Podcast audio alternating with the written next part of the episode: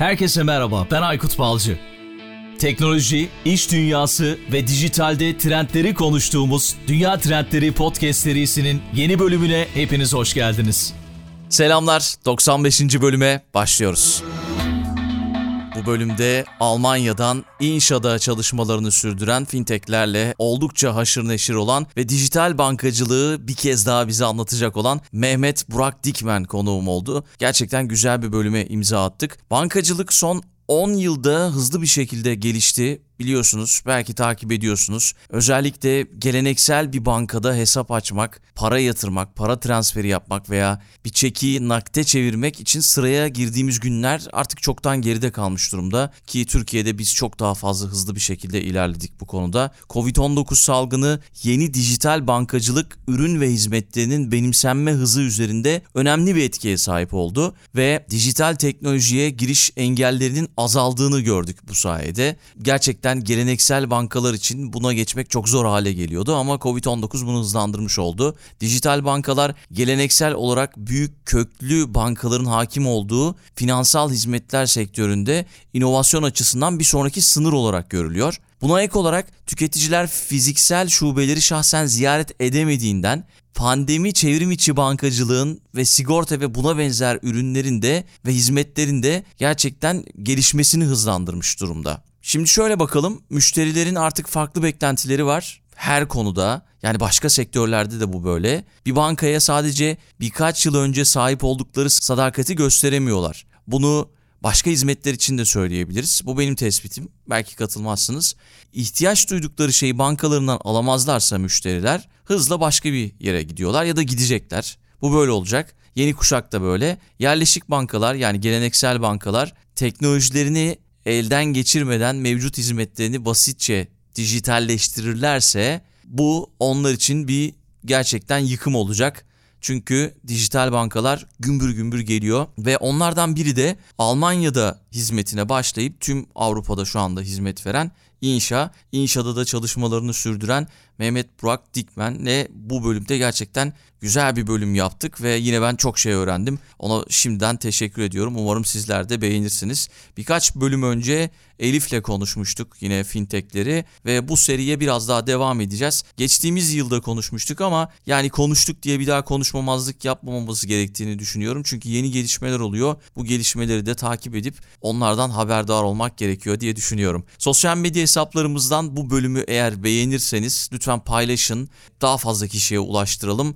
Aynı zamanda dinlediğiniz platformdan podcast'te Dünya Trendlerine abone olursanız her zaman yeni bölüm yayınlandığında bildirim alma şansını yakalayabilirsiniz. Bir de desteklerinizi beklediğimiz Patreon hesabımız var. Oradan da kendinize uygun bir abonelik modelini seçerek destek olabilirsiniz, motive edebilirsiniz bizleri ve kendimizi daha iyi hissetmemizi sağlayabilirsiniz. Şimdiden hepinize çok çok teşekkürler. Hazırız yeni bölüme 95. bölüme başlıyoruz. Konuğum Almanya'da şu anda Berlin'de Berlin merkezli İnşa'nın kurucularından şu anda da karşımda Mehmet Burak Dikmen. Hoş geldin Burak nasılsın selamlar. Selamlar Aykut. Teşekkür ederim. Sen nasılsın? Ben de iyiyim. Çok çok sağ ol. Çok teşekkür ederim vakit ayırdığın için. Benim için keyifle geçecek inşallah bu konuşma. Ben de çok mutluyum seninle beraber podcast yaptığımız için. Mutlaka öyle geçecektir. Yine senden çok şey öğreneceğiz ve fintechleri merak ediyoruz. 2020 sonrası da gerçekten bir ivme yakaladı finansal hizmetler teknolojilerinde. Ya bir değişim var vardı zaten bu değişim devam ediyor ve önümüzdeki günler içerisinde belki çok daha fazla karşımızda olacak. Bunu merak ediyoruz açıkçası bu alanda neler oluyor işte fintechlerle ilgili yeni iş modelleri ortaya çıkacak. Çıktı çıkmaya devam ediyor. İşte dijital yaygınlaşıyor bir yandan. Özellikle Covid'in de bunda etkisi var ve onun dışında farklı inovasyonlar var. Blok zincir var. İşte birçok şeyi belki konuşacağız bu bölümde. Ama öncesinde ben seni böyle kısa tanıttım ama belki bize biraz kendini anlatabilirsin çok kısa. Biraz da inşadan bahsedebilirsin ilk defa duyanlar için. Sonra da konulara gireriz diye düşünüyorum. Tabii. Ya öncelikle şöyle ben aslında kurucu ekipteyim. Kurucularından biriyim demek biraz belki şey olur ama kurucu ekipteyim. Yani inşayı ilk kuran ekip, ekibin içindeyim. Kendimden biraz aslında bahsedecek olursam ben ilk kariyerime Albaraka Bankası'nda başladım. Orada yaklaşık bir iki buçuk yıllık bir çalışma geçmişim var. Öğrencilik hayatımda aslında ilk orada başlamıştık. O zamanlar sene 2013-2014 olması gerekiyor. Bu fintech dünyasının yeni yeni palazlanmaya başladığı, işte bu N26'ların, Robinhood'ların yeni yeni ortaya çıktığı, o ilk fintech dalgasının başladığı zamanlarda aslında ben Albaraka'da oradaki ekiple beraber fintech üzerine çalışmalar yapıyordum. Fintech raporları hazırlıyorduk. Neden işte N26'lar, Robinhood'lar çıktı, nasıl çıktı, nasıl etkileyecek sektörü gibi banka üst yönetimine raporlar hazırlıyorduk. İlk aslında benim fintech'le tanışma maceram öyle başladı ve ilk de başlamış çünkü gerçekten çok keyifli bir alan fintech alanı. O zamanlardan beri de içinden çıkamadım aslında bir türlü. Hep bütün kariyerim fintech üzerine geçti. O ilk adım attıktan sonra böyle beni içine çekti yani fintech dünyası bir nevi. İki buçuk, iki, iki buçuk yıl kadar bu alanda çalıştıktan sonra fintechlerin işte o zamanlar yaptığımız birçok şey vardı aslında. Hani hem yurt dışındaki fintechleri araştırıyorduk hem yurt dışındaki fintechleri araştırıyorduk. Onlarla işbirlikleri geliştirmeye çalışıyorduk ta 2013-2014'lerde. Bu arada o zamanlar bankalar da o kadar fintechlerle işbirliği yapmaya istekli olmadığı zamanlar fintech e, bankaların. E, tabii hani o zamanlar çok küçüklerdi fintechler çünkü en büyük fintechler bile henüz daha bebeklik zamanlarındaydı. O yüzden böyle çok fazla işbirliği yapacak bir şeye getirememiştik bankayı.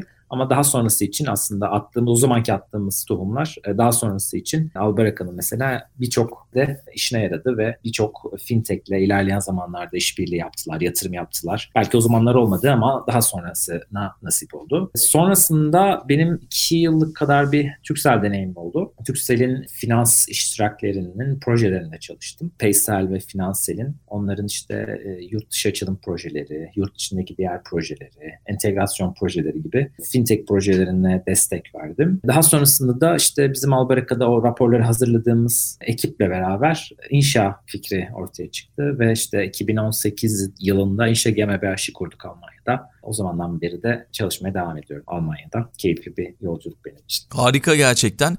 Özellikle Almanya'yı tercih etmenizin bir sebebi herhalde burada yaşayan Türklerin olması mı yoksa Müslüman toplumun da burada olması mı? Tabii ilk adım burada çok fazla Türk popülasyonu var. O yüzden de aslında ilk adım olarak Almanya karar verilmişti o zamanlar. Tabii daha sonrasında bizim birazcık hedef kitlemizin farklılaşması, değişmesi gibi durumlar oldu ama ilk adım aslında dediğin sebepten dolayı. Anladım. Yani zaten ilk etapta mesela bankalar biraz bu konuya çekimser davranmışlar ama sonra gördüler yani durumun farkına vardılar anladığım kadarıyla. Türkiye tarafında biraz daha neyse ki belki dünyanın farklı ülkelerine göre çok daha iyiyiz bu konuda. Teknoloji ve inovasyon konusunda en azından bankacılık ve finans sektöründe. Evet. Böyle olduğunu görüyorum. Yani işin içinde olmayan biri olarak, uzaktan gören biri olarak. Gerçekten çok çok iyi olmuş bence. Hem senin adına hem de inşa adına. Bence çok doğru bir karar vermişsiniz. Berlin'de tabii ki Avrupa'nın Silikon Vadisi mi diyorlar? Evet artık Burası, e, Berlin öyle için. oldu. Brexit'ten sonra özellikle çok fazla startup e, Berlin'e geldi. Çok fazla şirket Londra'dan Berlin'e taşındı falan. Ciddi bir talep aldı Berlin son özellikle 3-4 yılda. Almanya'nın aynı zamanda Avrupa'nın da hani özellikle fintech alanında, tek startup alanında ciddi anlamda gelişen şehirlerinden bir tanesi. Süper. O zaman hemen başlayalım istersen. Çok merak ettiğim şey var. Fintech genelinde belki tüm işletmelerin dikkat etmesi gereken temel trendler neler? Bunlardan bahsederek başlayabiliriz. Yani işte teknoloji ne yöne gidecek? Belki ekosistem ilişkileri genel olarak onlardan bahsedebilirsin. İşte rekabetten bahsedebilirsin. Yeni yeni çünkü fintechler geliyor. Hatta yeni yeni derken durmuyor sürekli geliyor. Belki bunlardan bahsedebilirsin bize. Evet ya aslında soru tabii çok böyle geniş bir soru. Saatlerce belki üzerine konuşabileceğimiz bir soru. Ama genel olarak böyle hani değinebileceğimiz birkaç şeye indirgeyebilirsek daha belki kompakt bir cevap verebiliriz. Yani şöyle aslında genel olarak evet hani bahsettiğin gibi çok fazla gerçekten artık fintech çıkıyor ortaya ve yatırımlar da bu alanda her geçen yıl katlanarak devam ediyor. Çünkü bankaların bu fintechlerin teknolojik hızlı karşısında o hantal yapıların birazcık zorlanıyor açıkçası. O yüzden de bankaların verdiği bütün hizmetleri aslında unbundle eden ve sonrasında ortaya ürünler çıkartan yani bankanın verdiği en küçük hizmeti bile e, bir ürüne çeviren birçok fintech var bugün. O yüzden hani fintech deyince belki böyle için içerisinde işte bunun regülasyon tarafında ortaya çıkan fintechler, regtech, bizim gibi digital banking tarafında hizmet veren birçok fintech, investment yatırım tarafında hizmet veren birçok yani bir bankanın yaptığı işleri aslında sunan bir bölümünü bir birçok e, fintech var. Bu fintechlerin tabii ki iş geliştirirken dikkat etmeye çalıştıkları birçok şey var. Yani bizim de keza iş yaparken dikkat ettiğimiz birçok şey var. Bunlardan aslında önemlisi tabii ki bir fintech için tabii ki işin regülasyon bacağı. Çünkü çok ciddi bir aslında regülasyona tabi fintechlerde. Yani tabii ki bu birçok şeye göre değişiyor. Aldıkları lisanslara göre değişiyor. Birçok lisans türü var fintechlerin alabileceği. Sadece payment lisansı alıp yoluna devam edebilir. Elektronik para lisansı alıp yoluna devam edebilir. Bankacılık lisansı alıp yoluna devam edebilir gibi böyle birçok aslında lisans türü var. Bu fintechlerin alabileceği. Ya da lisanssız sadece işte e, arayüz e, geliştiriciliğiyle de ya da çeşitli hizmetler sunarak da tabii ki yapabilirler. Fakat işin regülasyon bacağı hani hangi işi yaparlarsa yapsınlar, hangi lisansa sahip olurlarsa olsunlar, lisansa sahip olmasalar bile aslında her fintech için gerçekten çok önemli. Çünkü sonuçta finansal bir iş yapıyorsunuz. Yani finansa dokunduğunuz zaman, paraya dokunduğunuz zaman e, regülatör her türlü size aslında gözünü dikmeye başlıyor. Volümler yükseldikçe daha da aslında yaklaşmaya başlıyor size. O yüzden yaparsanız yapın hangi lisansa sahip olursanız olun regülasyon ayağı işin gerçekten e, çok kritik. Bunlara uyum sağlamanız, işte bütün şirketi buna göre dizayn etmeniz ve baştan bu şekilde kurgulamanız gerçekten kritik. Bu olmazsa olmazlarından aslında bir fintech için olmazsa olmaz konulardan bir tanesi. Çok kritik bir konu. Şeyi merak ettim. Fintechlere en çok destek veren ya da kolaylık sağlayan ülke hangisi sence? Yani böyle bir tespitin var mı, araştırman var mı? Çünkü bildiğim kadarıyla Almanya'da bu konuda acayip muhafazakar yani ama sizin tercihiniz de Almanya olmuş. Şimdi ben de Almanya'da olduğum için yeni yeni böyle işte devlet işlerinin çok zor olduğunu biliyorum. Yani zor dediğim çok fazla böyle bürokratik işlem var. Çok daha fazla bahsettik podcast'i dinleyenler de biliyor. Böyle kolaylaştırıcı mesela Estonya mı aklıma gelen ilk o şimdi. Hangi ülke sence? Var mı böyle bir şey? Yani şöyle tabii ki hani direkt şu ülke diyemem ama öne çıkmaya çalışan bazı ülkeler var. Bir şekilde kolaylık sağlayan ya da işte e, daha esnek e, regülatif ataklarda bulunan, ona göre kendisini değiştiren, düzenleyen. Mesela açıkçası İngiltere bu konuda e, çok bence iyi bir noktada. Çok hızlı bütün yeni çıkan teknolojilere cevap vermeye çalışıyor benim izlediğim kadarıyla. Hı, belki hani... doğru soru o olabilirdi. Hızlı bir şekilde evet. reaksiyon aksiyon vermeye çalışan ülkeler hangidir diye sorsam daha doğru olurdu.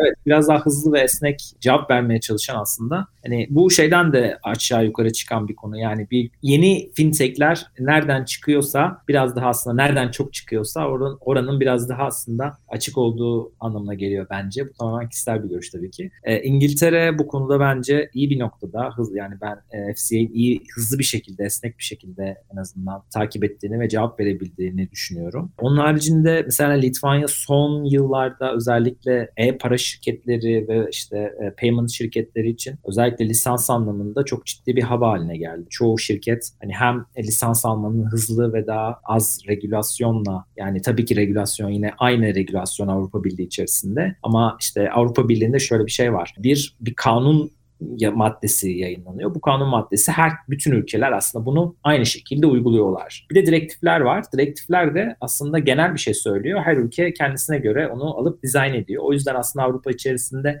birçok regülatif farklılık var birçok alanda. Yani KYC anlamında her ülke mesela aynı işlemleri yapmıyor farklı farklı e, işlemler var. Bunun sebebi de aslında bu direktiflerin e, farklı şekilde yorumlanıp farklı şekilde aksiyon alınması. E, Litvanya bu konuda hani nispeten kendisini iyi bir noktaya getirdi ve özellikle lisans anlamında birçok yeni şirketin ilk tercihi noktasında. Tabii ki orada da farklı şeyler devreye girebiliyor. Yani bazı şirketler oradan almak istemiyorlar. Herkes oradan alıyor diye falan. Ama orası mesela kendisini böyle iyi bir noktaya getirdi en azından fintech anlamında Avrupa'da. Açıkçası hani Avrupa'nın dışında kalan yerler hakkında çok kapsamlı regülatif bir bilgiye sahip değilim. Ama Avrupa'da Litvanya ve İngiltere nispeten hani bu alanda benim gördüğüm hızlı aksiyon alan ve iştahlı olan ülkeler. Almanya biraz daha tabii yani büyük ve hantal bir ülke. Birazcık geç kalabiliyorlar bazen ya da daha katı olabiliyorlar birçok konuda. Oralar biraz daha farklı.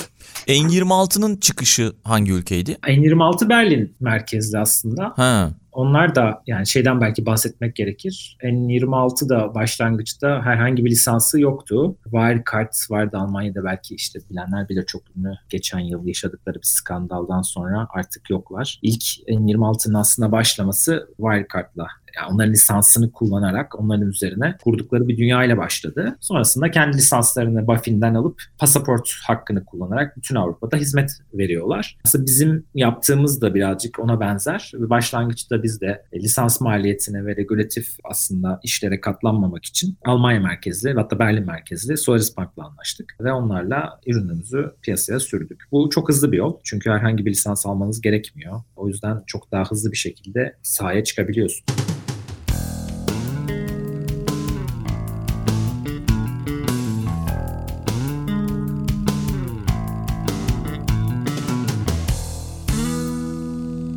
Mesela N26 en bilindiklerden biri özellikle Avrupa'ya ya da dünyanın farklı ülkelerine gittiğiniz zaman, öğrenci olarak gittiğiniz zaman veya yeni oraya taşındığınız zaman, göçmen olarak geldiğiniz zaman orada bir hesap gerekiyor size. Hesap açmanız gerekiyor. Daha profesyonel bir yolla ilerliyorsanız hani bir yerde çalışıyorsanız orada size yol gösteriyorlar ama öğrenciler ilk geldiklerinde Avrupa'ya genelde özellikle bu Z kuşağı direkt dijital bankacılığı tercih edip böyle N26 gibi işte Inşa gibi sizin gibi fintechleri tercih edebiliyorlar. Çok fazla duyduğumda N26 idi o yüzden merak edip sordum sordum sana. Gerçekten ya, de şimdi bu çok daha da fazla evet. ilerliyor. Ya şöyle N26 ve Almanya'daki bankacılık hakkında şöyle küçük bir anekdot belki aktarabilirim. Ya N26'nın büyümesi özellikle Almanya'da e, ekspatlar ve öğrenciler üzerinden oldu. Çünkü gerçekten Almanya'da tradisyonel bir bankada hesap açmak ve onu devam ettirmek biraz sabır isteyen bir iş. Benim ilk geldiğim zaman açtığım bir Commerzbank hesabım vardı. Açılışı için şubeye gitmen gerekiyor ve işte çeşitli böyle belgeleri toparlaman gerekiyor. İşte adres kaydını yapman gerekiyor falan o belgeyi götüreceksin. Ama işte adres kaydı yapman için banka hesabın olması. Böyle karışık böyle şeyler var. Ekspatlar için özellikle çok zorlu süreçler var. Şifreni kaybedersen yandın. Bir ay uğraşıyorsun. Tabii tabii. Yani gittim şube hesabı açtım. İşte pini ayrı gönderdiler. Şifre gönderdiler. İnternet için bir şifre gönderdiler. Sonra birini kaybettim, yeni şifre istedim. Bana e, postayla link attılar ama link böyle şey hani uzun linkler var ya işte başlıyor commerzbank.com işte arkası böyle evet. çok iyi biliyorum. Ve link attılar bana yani ama mektupla link attılar. Yani onu teker teker yazıp o şekilde girmemi falan bekliyorlar galiba. Böyle hani gerçekten hani bütün bankalar bu arada. Bari sadece. bir QR kod falan yollasalardı. Galiba şimdi QR kod yolluyorlar ya. Yani en son ben yaptığımda öyleydi belki değişmiştir ama bana şey göndermişlerdi ve şok olmuştum. Hani bütün bankalar muhtemelen burada öyle çalışıyor. Gerçekten dijitalleşme Almanya'da çok yavaş kaldığı için özellikle bankalar bacağında teknolojik olarak da kendilerine altyapıya da yatırım yapmamışlar vaktinde. Bu tarz dijital kanallara da yatırım yapmamışlar ve ciddi anlamda aslında yeni jenerasyon, yeni gelen ekspatlar için oralarda hesap açmak, sürdürmek bunu çok zor. O yüzden aslında 26 ve benzeri birazcık ön plana çıktı ekspatlar arasında özellikle. Almanlar hala bu arada muhafazakar ve birçok Alman kendi şey bankasında durmaya devam eder. Orada ilginç bir damar var. Ee, Tabii canım hala gidip bankadan yapıyorlar.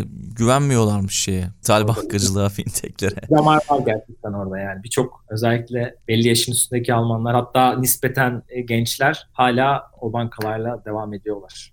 Evet evet. Önümüzdeki günlerde onlar da artık adapte olacaklar öyle düşünüyorum ama biraz zor gibi gözüküyor. Yani değiştirmek kolay değil ama olmak zorundalar. Çünkü o tarz istekler gelmeye başlayacak müşterilerden. Dijital bir bankacılığın kolaylığını gören müşteriler onu talep edecekler. Ona göre onlar da değişeceklerdir. Ama yine de her ne kadar değişseler bile o hıza, o esnekliğe, o deneyime kavuşturmaları kendi kanallarını o kadar kolay değil tabii ki. Peki burada tam da şeyi sorsam fintech özellikle finansal hizmetler sektöründe ne kadar dönüştürücü olacak? Belki bunu sormam yerinde olur şu anda. Yani tabii ki çok büyük dönüştürdü aslında. Bankalar ilk fintechler çıktığında konuşmanın başında da söylemiştim. Hani bütün bankalar fintechleri böyle küçük görüyorlardı. Onlarla işbirliği yapmaya yanaşmıyorlardı. Hani böyle aslında görmezden geliyorlar. Fakat onların ortaya koydukları değer anlaşılmaya başladıktan sonra bankalar işbirliği yapmaya, satın almaya, ya da işte çeşitli değişik işbirliklerini hayata geçirmeye başladılar. Ve bu da aslında hani müşterinin hayatında birçok değişikliğe yol açtı. Aynı zamanda özellikle mesela Avrupa'da şu an işte PSD2, Open Finance, açık bankacılığın gelişmesiyle de beraber ve regülatörün de bunu ortaya koymasıyla ciddi anlamda fintechlerin önü e, daha da açıldı. Ve çünkü bankalar artık API'lerini açmak zorundalar ve bu API'larla da yapılabilecek bir sürü iş var. Üçüncü parti uygulamalar bu API'ları kullanarak yeni bir sürü finansal teknoloji hizmeti geliştiriyorlar ve geliştirecekler de. Yani bu teknolojinin önü çok açık. Bu hizmet şeyin önü çok açık. Çünkü yapılabilecek çok fazla şey var yani ödemelerden hesap takiplerine, müşteriye sunulabilecek hizmetin burada sayısı çok fazla. O yüzden bu alanda özellikle gelişmenin artmasıyla beraber müşterilerin fintech kanallarına kayması, bu hizmetleri alması tabii ki daha da fazla artarak devam edecek. Bence de bankaların ilk başta fintechleri ya da herhangi bir şirketin farklı yeni çıkan bir şeyi küçümsemesi çok normal. İlk başta onlar da aslında durumun farkında ama bir direnç oluyor böyle. Evet. O dirençten sonra da yani çünkü bir düzen var orada. O düzenin bozulması durumu var. O dirençten sonra da evet biz de burada olmalıyız diyorlar. Bu her sektör için böyle herhalde. Ama Kesinlikle. yani bu değişime ayak uydurmak gerekiyor. Çünkü hızlı bir değişim var.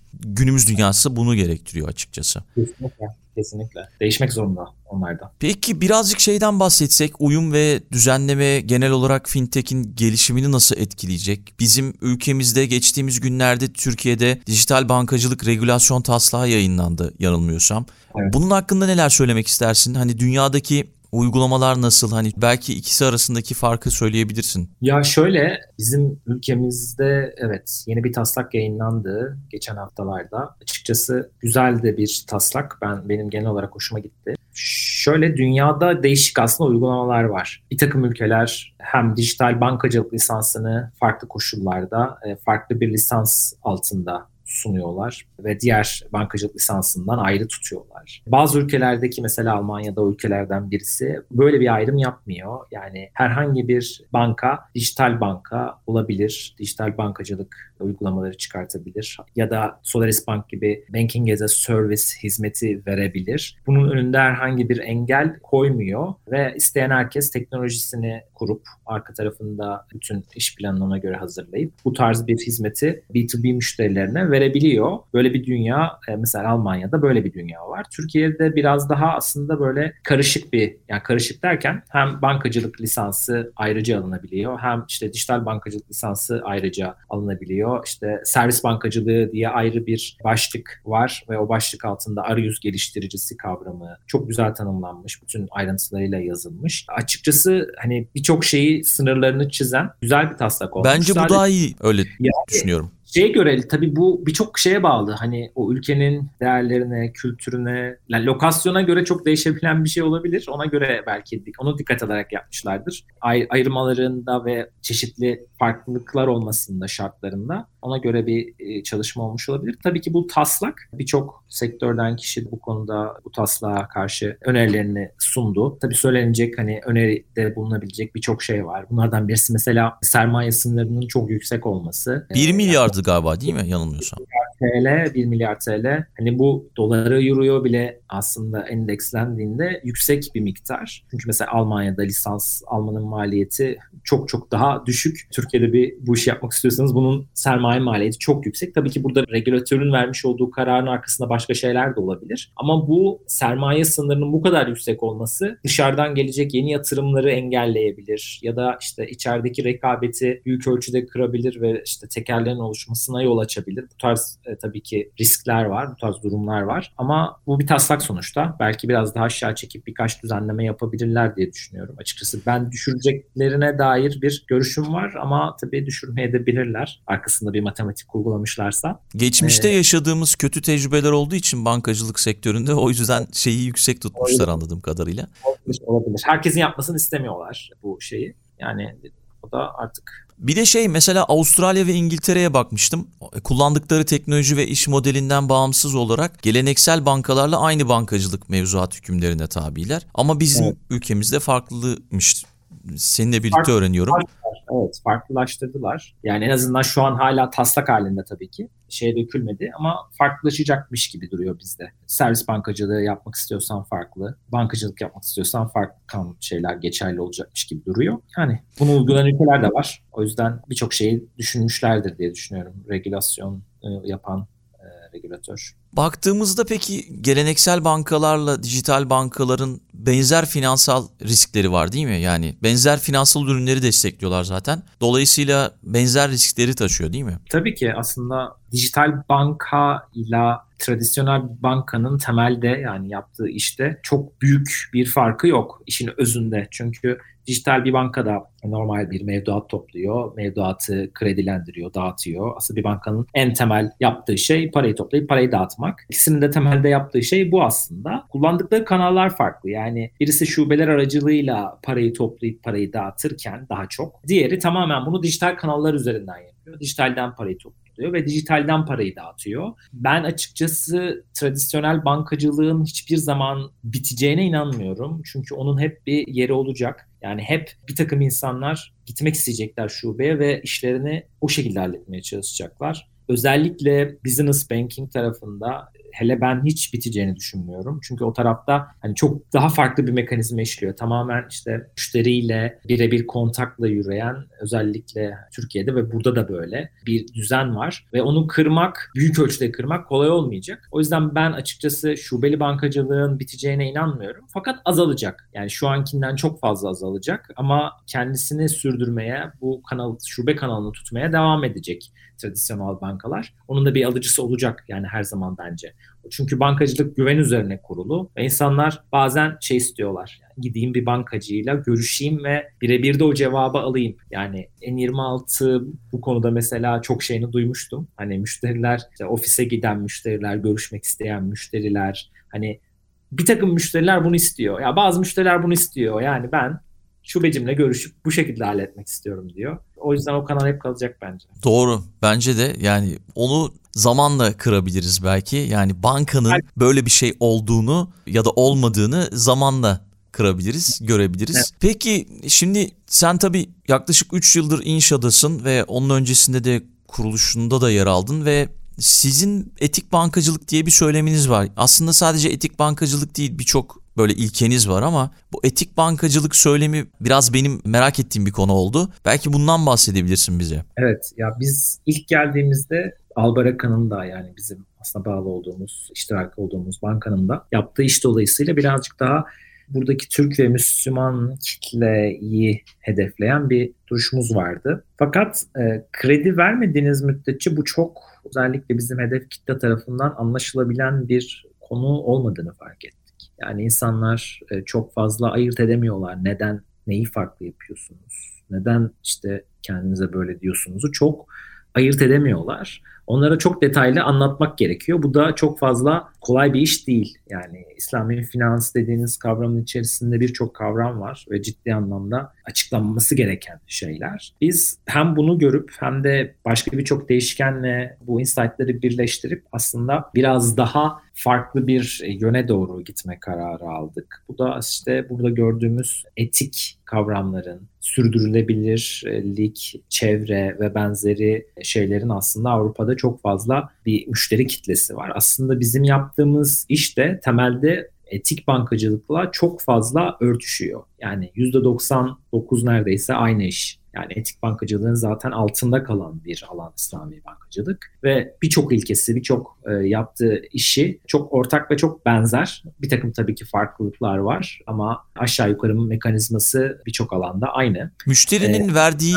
değer farklı herhalde değil mi? Yani Avrupa tarafında, Türkiye tarafında. Kesinlikle yani çok çok çok farklı. Yani biz biz aslında şöyle çok temel bir e, kaç değere indirgedik verdiğimiz hizmetin ölçüsünü. Diyoruz ki biz sizin bize verdiğiniz mevduatlarla herhangi bir etik olmayan, İslami olmayan herhangi bir alanda bir yatırım yapmıyoruz ve paranız bu alanları aslında bulaşmıyor. Şimdi İnsanlar hep şunu düşünüyorlar. Ben işte kredi çekerken işte faizli kredi çekiyorum. Fakat bunun bir de şeyi var. E, diğer bacağı var. Yani parayı toplayıp nasıl değerlendirildiğinin bir bacağı var. Şimdi biz kredi tarafında yokuz Almanya'da ama mevduat tarafında e, Solaris'le beraber varız. Ve bunu toplarken de aslında onlarla yaptığımız özel bir anlaşma vardı. Ee, yani biz parayı ayrı bir havuzda tutup asla bizim onayımız olmayan herhangi bir yatırımda, herhangi bir işlemde kullanılmasını istemedik. Ve para ayrı bir havuzda saklanıyor, ayrı bir havuzda değerlendiriliyor. Aslında en temel fark bizim yaptığımız işleyişteki en temel farklardan birisi bu. Yani müşteriye çok rahatlıkla biz senin bize koyduğun mevduatı, paranı hiçbir şekilde etik olmayan, İslami olmayan bir alanda kullanmıyoruz demek aslında ciddi bir daha kolay anlaşılabilir yani müşteri gözünde nezdinde daha kolay anlaşılabilir bir yere koydu bizi. Daha sonrasında bunun üzerine bir takım prensipler inşa ettik. Bunu destekleyecek, bu yaptığımız işi destekleyecek. İşte biz yaptığımız dijital verdiğimiz dijital hizmetle çevreci bir hizmet veriyoruz çünkü kağıt kullanmıyoruz. Yani burada hesabını kapatırken bile müşteriden herhangi bir kağıt istemiyoruz. Müşteri bütün işlemlerini dijitalden halledebiliyor. Harika. Aslında bütün verdiğimiz hizmetleri de aynı şekilde bir arkasına prensipleri koyarak yani etik olmak bizim prensibimiz ve bunu işte mevduatları değerlendirerek ya oradaki farklılığımızla yapıyoruz. Çevreciyiz çünkü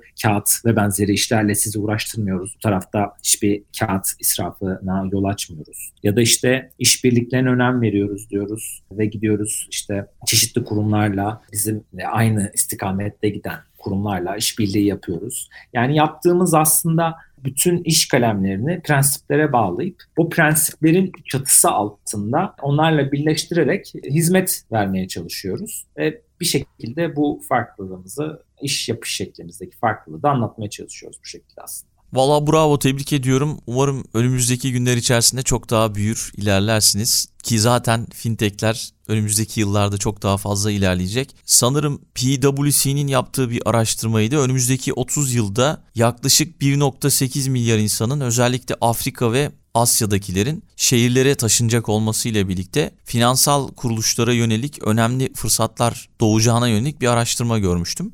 Tabii bu birçok ülke için böyle. Yine bahsetmiştik bir önceki bölümde zannedersem insanlar şehirlere taşınacaklar. Böyle bir öngörü var. Avrupa'da, Asya'da, işte Kuzey Amerika'da nüfusun büyük bir bölümü şehirlere taşınacak ve finansal hizmetlerin de bu yönde artması bekleniyor. Yani yeni fırsatlar doğması bekleniyor. O yüzden de önümüzdeki yıllar içerisinde dijitalin de artmasıyla birlikte fintechler çok daha fazla önem kazanacak diye düşünüyorum. Son söyleyeceklerin neler olur? Her şeyi konuştuk diye düşünüyorum. Şöyle bir genel toparlarsak neler söylemek istersin? Yani genel olarak söyleyeceğim şeyler tabii ki hani fintech dünyası gelişmeye, büyümeye devam edecek. Önümüzdeki yıllarda etkileyecek. Bu alanı çok fazla teknoloji gelişiyor şu anda. Hani birçoğuna bunların değinmedik bugün ama DeFi, blockchain teknolojisi. Ha, tam onu soracaktım. Tam kapatırken aklıma geliyor her zaman. Blok zinciri belki konuşsak iyi olur.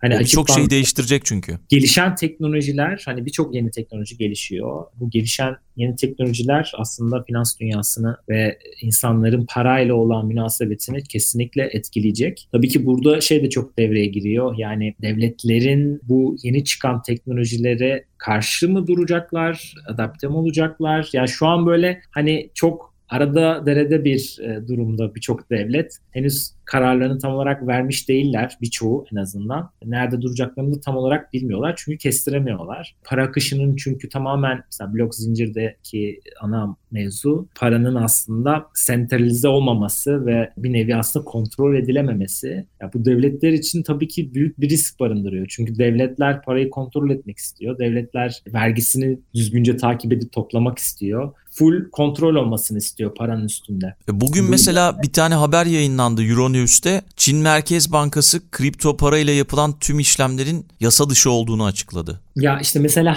evet yani o yüzden devletlerin bu konudaki refleksini ölçmek, tahmin etmek hiç kolay değil. Çünkü kontrolü kaybettikçe ben daha da sertleşeceklerini düşünüyorum. Şimdi Bitcoin tabii ki blockchain üzerinde işleyen sadece bir proje. Yani blockchain çok daha kapsamlı ve detaylı bir proje. Hani blockchain uzmanı değilim ben ama belki o konuya değinmişsinizdir daha önceki podcastlerde ya da değineceksindir. Değindik, ama block, evet. blockchain denildiğinde ne yazık ki Bitcoin anlaşılıyor hala. O yüzden hani Bitcoin sadece bir proje ve bu blockchain üzerinde yapılabilecek bir sürü iş var. Yani Akıllı... mesela blockchain'de veri ihlali aklıma gelenler kimlik hırsızlığı, işte siber güvenlik sorunları, finansal hizmetlerde en çok böyle tereddüt edilen konular bunları blockchain'de çözebiliriz yani blok zincirle. Tabii ki çözülebilir ama işte burada devreye giren şey devletlerin işte bunun üzerinde kontrolünün olmadığı bir dünya. Yani eğer devletler blockchain teknolojisi üzerinden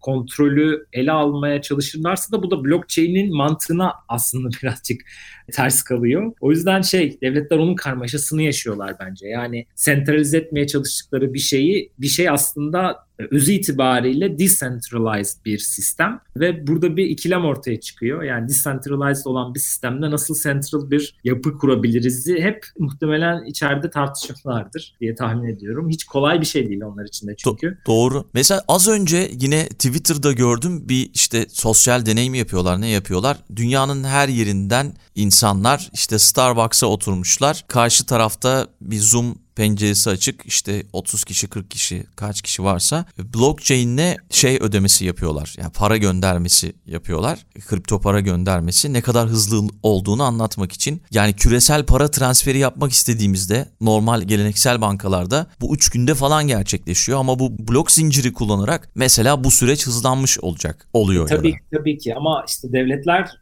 şu şöyle bakıyor buna. Benim için hızlanıyor. Ben belki işte blok zincirle babama para gönderiyorum. işte aileme para gönderiyorum. Fakat bu blok zinciri kullanan zaten yani benden endişe etmiyor devletler. Endişe ettiği şey şu. Yani işte bugün terörizmin finansmanı, işte uyuşturucu, kara para, kara para bu tarz işlemler için de aslında blok zincir üzerinden çok hızlı paranın aktığı ve kontrol edilemediği bir dünya devletlerin hiç istemediği bir şey. Hele ki yani işte EML konusunun bu kadar gündem olduğu, Avrupa'da 100-200 euronun bile arkasından koşulduğu, takip edildiği bir dünyada hani blok zincir üzerinden gönderilen milyonlar tabii ki devletler için ciddi anlamda problem. O yüzden de teknolojik gelişim okey ama arka tarafındaki regülasyon devletlerin bunun karşısında nasıl duracağı bu taraflar tamamen muamma yani çünkü devletler buna asla hani hadi tamam açalım blok zinciri de herkes parasını çok hızlı kolayca göndersin. Biz de hani bunu takip edemeyelim. Üzerinde etkimiz de olmasın diyeceklerini sanmıyorum. Yani blok zincir birazcık kendini ilerletmeye devam edecek. Ben farklı formatlarda göreceğimizi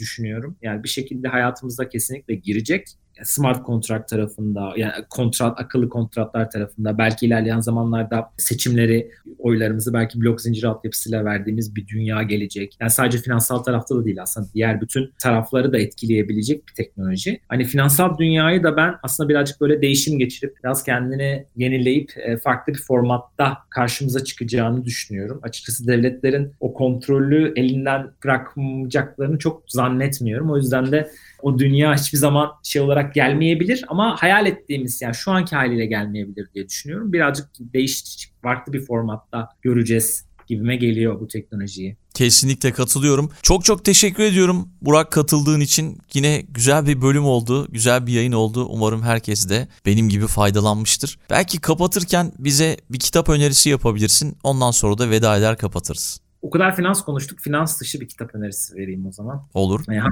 bir yazar önerisi vereyim. Theodor Zeldin diye benim çok sevdiğim bir yazar var. İngiliz asıllı. Onun iki tane aslında kitabı var. Birincisi The Hidden Pleasure of Life diye geçiyor. Direkt muhtemelen bu şekilde çevrilmiştir. Bir de diğer kitabı da aslında bütün kitapları güzel. Kitap ismi yerine ben yazar ismi versem daha güzel. Tamam Theodor... yazar ismini paylaşırız. Oradan kitaplarını seçip bakabilir herkes. Aynen öyle. Çok benim açıkçası istifade ettiğim fikirlerinden çok farklı güzel fikirleri olan bir yazar. Finans dışı olsun. Tamam süper. Çok teşekkür ediyorum katkından ben dolayı. Güzel bir bölüm ben... oldu. Tekrar buluşmak üzere. Görüşmek üzere. Dünya Trendleri Podcast serisinin bu bölümünün sonuna geldik. www.dünyatrendleri.com Twitter'da @dünya_trendleri, Instagram'da dünya.trendleri adreslerinden Dünya Trendleri Podcast'i takip edebilirsiniz. Unutmayın önerileriniz ve merak ettikleriniz içinse info gmail.com adresinden mail atabilirsiniz. Bu bölümü dinlediğiniz için çok teşekkürler. Yeni bölümde tekrar buluşmak üzere.